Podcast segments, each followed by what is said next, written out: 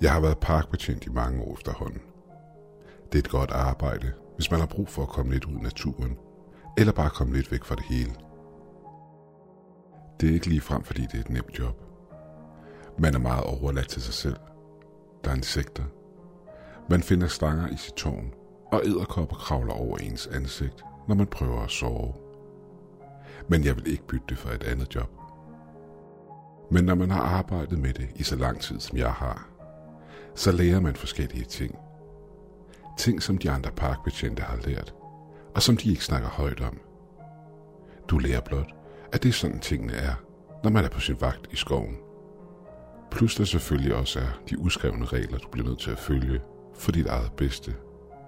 Selv når du gør har planer om at ansøge om at blive parkbetjent, men blot vil ud og vandre i naturen. Nogle af disse regler fik jeg fortalt af andre parkbetjente. Andre er mine egne. For det første, når du træder ind i skoven, skal du huske på, at du ikke bor her. Du er på besøg i dens hus, og du burde udvise respekt over for skoven. Og det er bare sådan, det er. Knæk ikke grene af træerne, eller snit dit navn ind i barken på dem. Lad dem være. I tilfælde af, at du overnatter her, så køb dit brænde hos parkbetjenten. Fæld ikke træerne for at skaffe det selv. Der er selvfølgelig undtagelser. Det er okay at knække grenene af træerne, der er væltet og ligger døde på jorden. Det vil den ikke blive gal over. Og tro mig, du ønsker ikke at se den gal. Jeg har set, hvad der sker med folk, der gør den gal. For det andet, hvis du overnatter, så camp ikke i lysningen. Slå lejr i udkanten af dem, så tæt på træerne som overhovedet muligt. Du ønsker ikke at sidde midt ude i det åbne, når mørket falder på. Hvis den ser dig, vil den måske ikke bryde sig om dig. Jeg har set, hvordan den tingest jager. Jeg vil ikke ønske det for nogen at blive jagtet af den skæbning. Så lige så snart solen går ned og mørket falder på, gælder det om at komme væk fra de åbne steder i skoven. Du ønsker ikke, at den ser dig efter mørkets frembrud, da det er der, den jager. Og nej, jeg taler ikke om bjørne. Bjørne er nemme. Du laver lidt lyd. Åbner din jakke op for at gøre dig selv stor, hvorefter de forhåbentlig løber væk. Hvilket du bliver ret hurtigt vant til herude. Ulve er lidt sværere at håndtere, men de ønsker i bund og grund ikke at have noget med os at gøre. Den her ting er ældre end bjørnene og ulvene. Men jeg ønsker ikke at jage den, skære den op og tælle dens ringe for at se, hvor gammel den er. Der er altid en fare med hensyn til den vilde natur, når man er herude. Reglen er generelt, at man holder sig på afstand, eller holder sig væk fra dyrelivet. Og hvis du møder noget, du ikke ønsker at interagere med, så er der måder at håndtere det på. Hvor kom jeg til? Og ja, reglerne, du skal følge, når du er herude. Og hvis du skal arbejde herude, så har du brug for at lære, hvad du skal gøre, hvis du ser den. Og tro mig, det bliver en udfordring for dig første gang det sker. De fleste mennesker bliver for bange til at gøre det rette første gang, og ender tit med at blive dræbt af skabningen. Det er ikke usædvanligt at se den fra brandtårnet, hvor ens vagt for det meste bliver tilbragt. Den går sin runde, og det sker tit, du hører fra andre parkbetjente over radioen, at de har set den gamle E bevæge sig rundt. Jeg tror, den kender de fleste af os på vores ansigter og vaner nu. Jeg tror, den kan lide at tjekke op på os. Vi er sikkert bare en del af dens økosystem nu, og den ser som alt andet i dens territorie. Det betyder dog stadigvæk, at vi skal følge de samme regler som alle andre skabninger i skoven.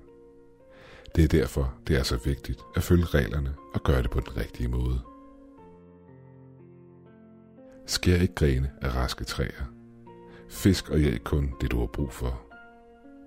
Hvis du starter et bål, så sørg for, at det er slukket helt, når du forlader det, så intet kan antænde. Den ved, hvad du laver, og den tjekker løbende op på dig.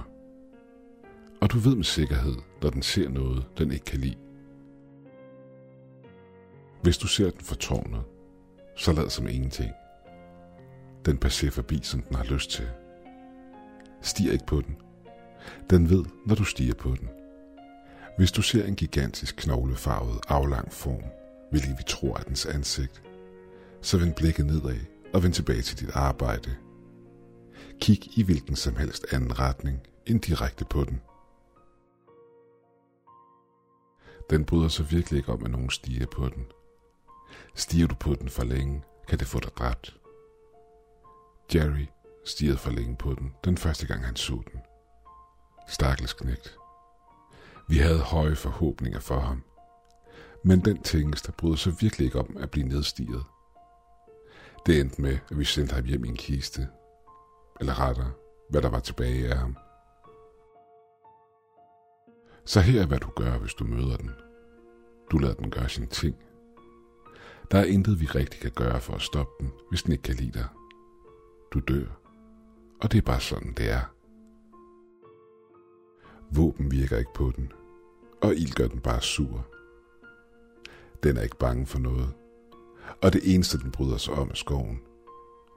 Men selv her er vi i tvivl, om den virkelig bryder sig om skoven, eller om den kun bekymrer sig om sin jagtmark. Nogle gange om natten kommer den op til tårnet. Måske jager den. Måske holder den bare øje med os. Jeg ved det ikke. Men sker det, så hold øjnene lukket.